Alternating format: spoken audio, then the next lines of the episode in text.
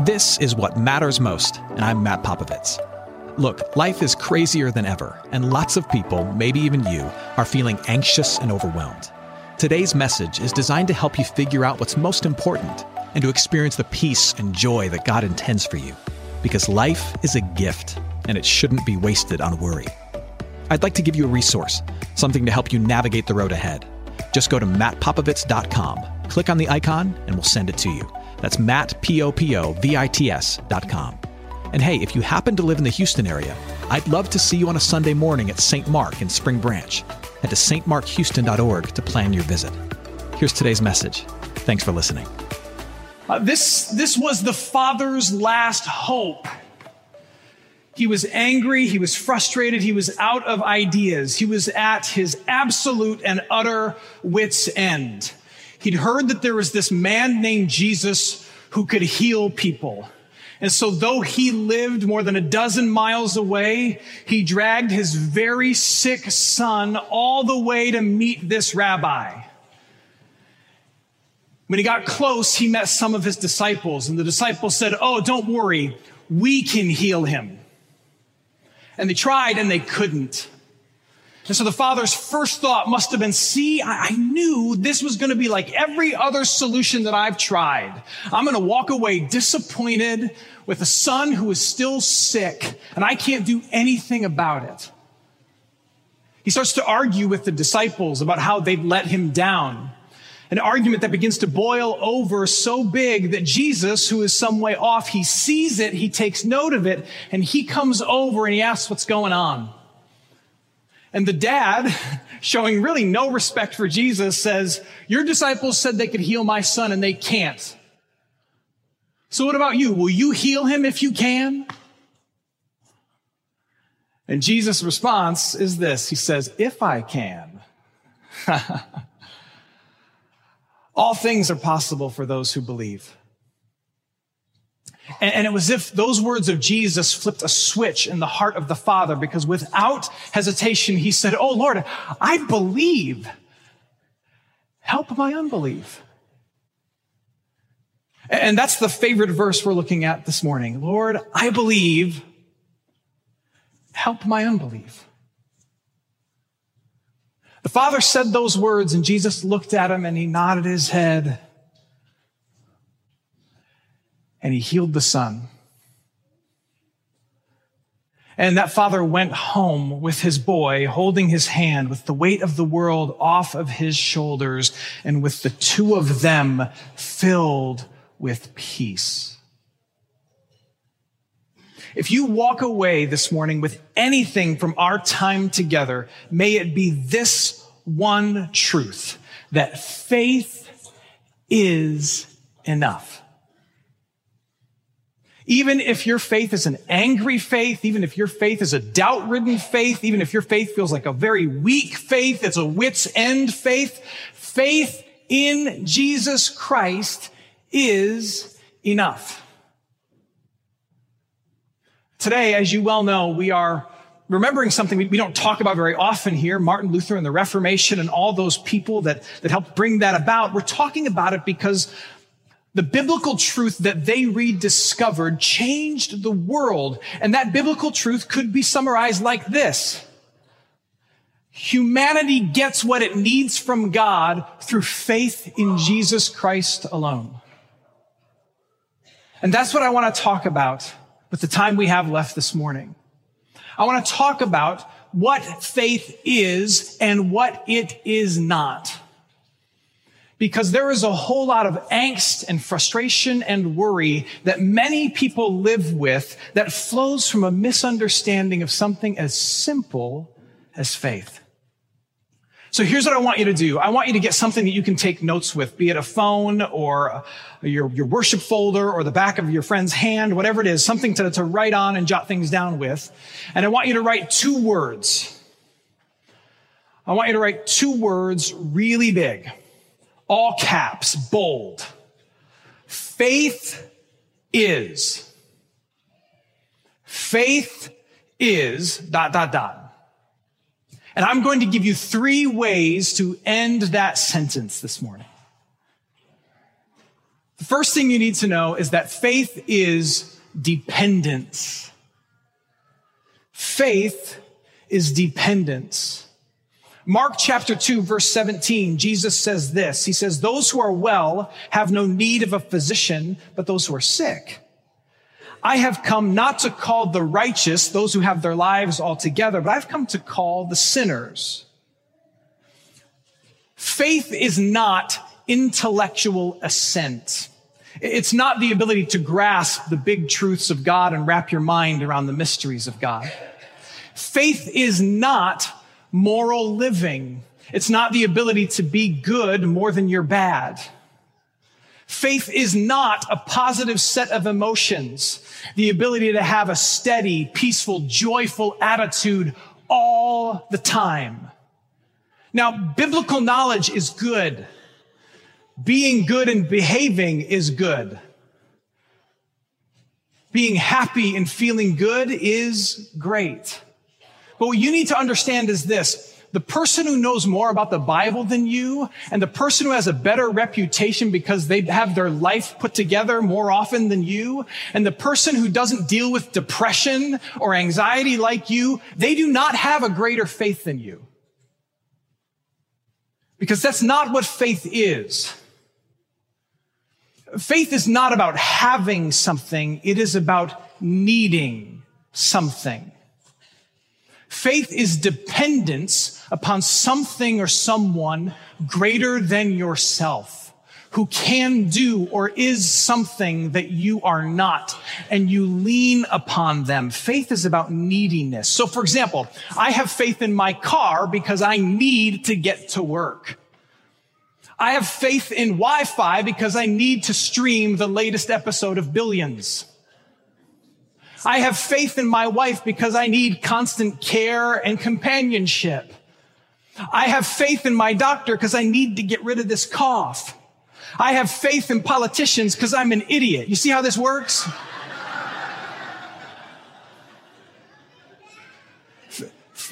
Faith is not about having something. Faith is about needing something. So to say you have faith in Jesus is to say, I need him. I bring him my nothing because I believe that he is everything. So take a look at your life. Take a quick inventory. Do you have relationships that are messed up? Do you have some sin, some, some moral thing that you're wrestling with that you try to deal with, but it has its way of sneaking back into your life? Do you have a sickness that lingers? Do, do you sometimes watch the news and get scared or get worried or get angry? Do, do you have a need for the love of Jesus, for the forgiveness of Jesus, for the power of Jesus to be made known in your life? If the answer to that question is yes, I have a need for the love, the forgiveness, and the power of Jesus. If the answer to that question is yes, let me be the first to tell you, you have a great faith. Because great faith is nothing more than great need for Jesus. Faith is a relationship of dependence. I've got nothing. He is everything. It's the first thing you need to know. Second thing you need to know is how you got this relationship of dependence upon Jesus. It's not something that you made or manufactured. It's not some prize you got for going to Sunday school when you were a kid. It's not the result of some prayer that you prayed, although prayers are important. Your faith in Christ is a gift. Your faith, your dependence you have upon him is a gift given to you and maintained for you by Christ. Uh, let me explain. As many of you may know, uh, my family is new here. We moved just about a month ago from New York City. And when we were living in New York City, we would ride the subway. And I had a relationship of faith with the R train. I had a relationship of dependence, of faith in the R train to get me to Midtown Manhattan.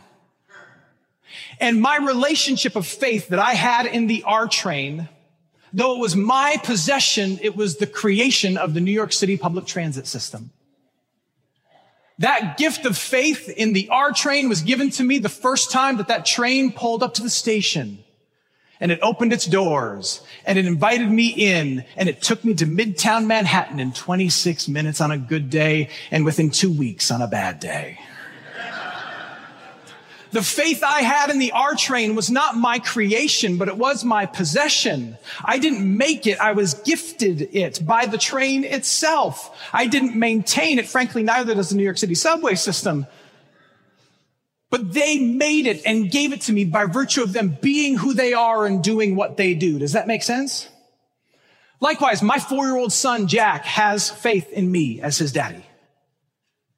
He has faith in me, a dependence upon me, a trust in me that he can't really understand or explain at this particular stage in his life, but he has it. And the faith he has in me is a gift that I gave to him.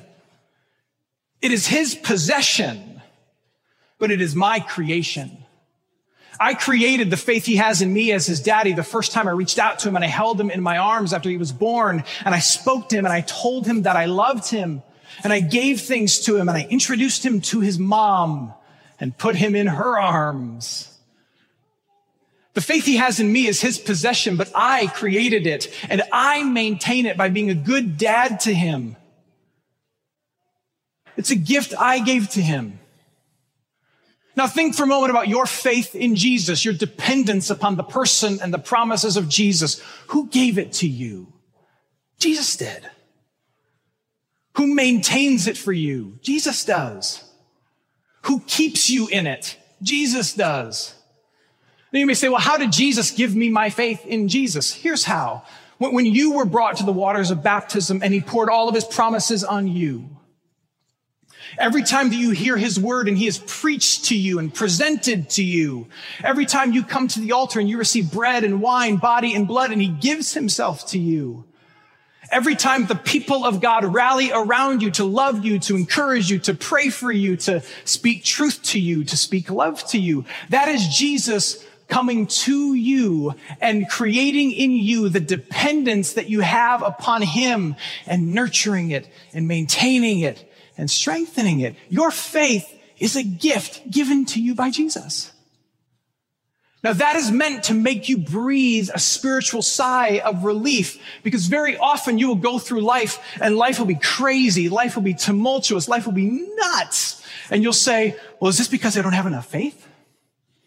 Or is this evidence of the fact that I've lost my faith? Or do I need to strengthen my faith? I need to get better at going to church and build my faith. Now you should come to church, but granted, I'm biased. But, but how are you going to lose and how are you going to grow something that you didn't even earn or make?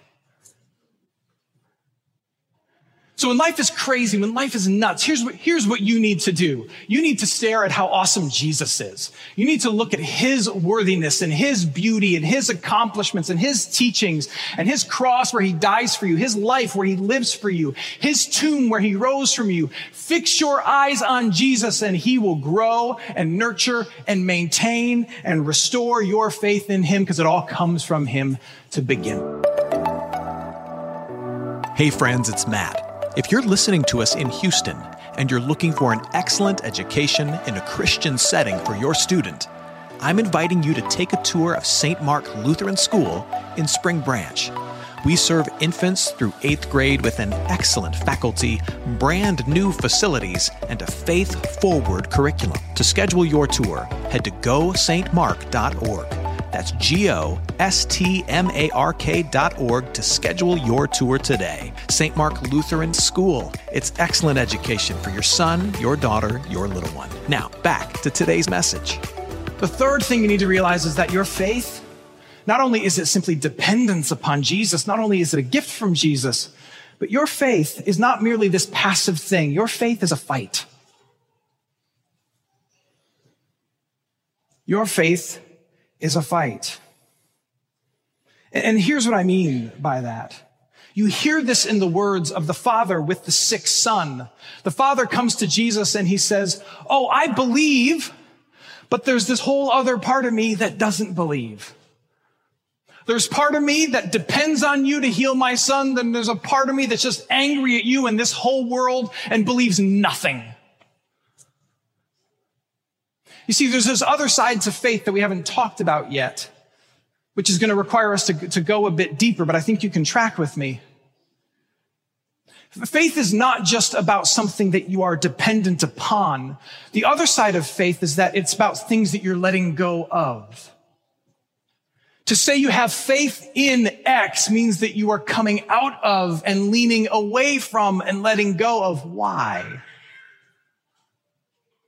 To say I have faith in Jesus for my identity as a child of God means that you are leaning out of and letting go of the applause of your peers for your sense of worthiness.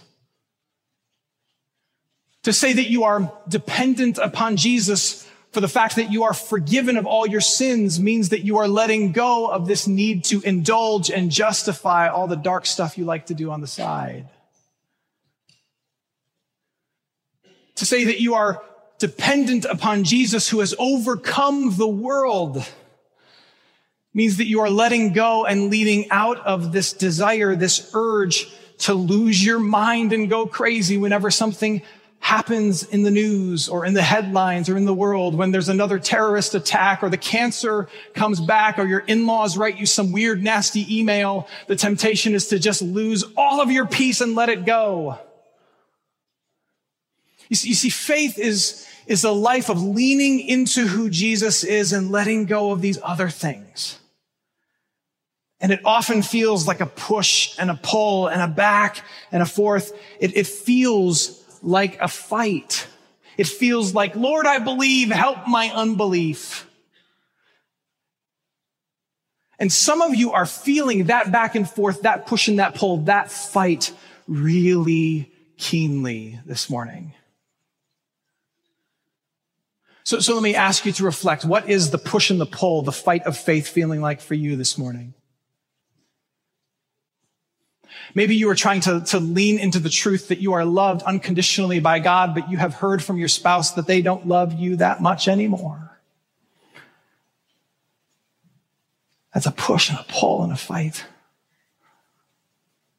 Or maybe you are trying to lean into the truth, the promise that you are dependent upon Jesus for your standing in the eyes of the Father and that the Father accepts you through no work of your own, just out of pure love. And yet you work for a boss who can never, ever be satisfied and never, ever tells you good job. Or you're trying to lean into the truth that that you're a member of God's family through no work of your own, and yet you're part of a family where you give and you give and you give, and no one ever gives back to you at all. Like you give everything for the kids, and the kids never say thank you. You give everything for your husband, and the husband never is home. And you're caught between these two worlds where I have everything through Jesus Christ and I feel like I get nothing at home. Or I have everything in Jesus Christ and all of God's love and I don't feel any love from the one I made these vows to. Or I have everything in Jesus Christ, but my body is failing. And there's this push and this pull between this reality and this one. And you're tempted to think the fact that I'm being pushed and pulled and it feels like a fight, does that mean I have bad faith? No. That, that's, that's just the life of faith. It is a life of leaning into the promises of Jesus and letting go and leaning out of the things that are broken in this world and choosing to see your life through your dependence upon Jesus and not everything else. But, but the good news is this, Jesus whom you're dependent upon and Jesus who gave you this gift of trusting in him, he's also strong enough that he will see you through that push and that pull. He will see you through that fight, he promises. And he promises there will come a day when there's no more push and pull, there's no more fight, where he returns and he makes all things new and there's no more faith even. There's no need to depend on Jesus in your heart because you live with Jesus face to face. But until then, it's a push and a pull and it's a fight. But Jesus promises that he who you're dependent upon and who gave you the gift of depending upon him in the first place, he will see you through the battle. 501 years ago, Martin Luther did something that changed the world. He, he tacked 95 theses on the door of the Wittenberg church. And it caused decades of political and theological and cultural upheaval. But his point and his purpose was not a political, cultural, or theological one even. His ultimate aim was a pastoral one. There were many people whose hearts were burdened because of an unbiblical and backward view of how we have a relationship with God. They were told that God judges even the baptized based on their good works and that faith in Jesus got you started, but it wasn't nearly enough. You needed to make sure that you prayed enough, you went to church enough, you gave enough money, and you proved yourself worthy of all of God's blessings. And as a result, there were countless numbers of people, Luther included, who wondered whether or not they had any grace at all from God. And so Luther drove himself into the scriptures and he flipped through the scriptures and he read them on his own and a light bulb came on, a Holy Spirit shaped light bulb came on and he said, aha, enough. Your faith may be weak. It may feel small, but your faith is not, it's not knowledge and your faith is not obedience to a moral code. Your faith is dependence upon Jesus.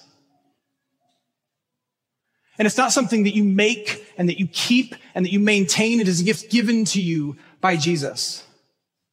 And your world may be back and forth, up and down, but Jesus, who is the object of your faith, he will see you through. Your faith is enough. Because even the smallest amount of faith in the right thing means that you will get from God everything. And your faith as small as it may be, is in Jesus Christ.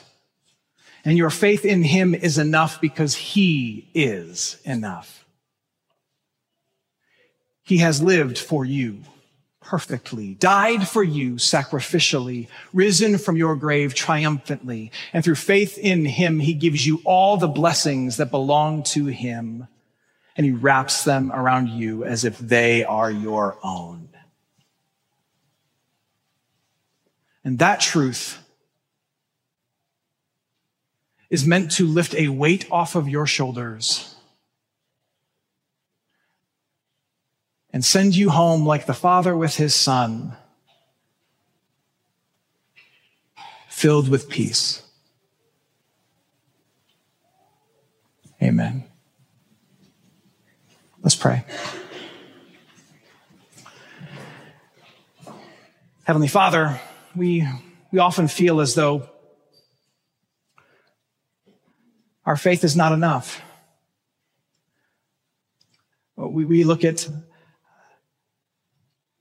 we look at the turmoil and the difficulty in our own lives and we think we must be doing something more. Maybe, maybe you're mad at us. Maybe there's something being done wrong by us. And we, and we begin to question our place in your grace based on the status of our relationships, the, the chaos around us, the work of our own two hands. And Father, help us to believe, help us to know that our faith, as weak or as small as it may be in Jesus Christ, is enough because it's not about the one who holds the faith, but about the object of the faith. Help us to believe that though we should grow in knowledge of your word, though we should seek to honor you with every ounce of our lives, that what makes us right with you is faith in Jesus, the righteous one. And that in depending upon him, we have all of your promises. And no matter what we're facing, no matter what push or pull we find ourselves in, may that give us peace today that we belong to you by grace through faith alone. Amen.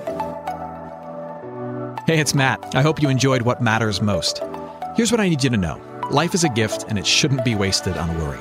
I want to help you figure out what's most important and to experience the peace and joy that God intends for you. So, for more content, you can head to mattpopovits.com. That's Matt, P O P O V I T S.com. There you can also support this ministry as well as access your free resource, a little something to help you navigate the road ahead. I'd also love to see you on a Sunday morning. If you're in the Houston area, head to stmarkhouston.org to plan your visit.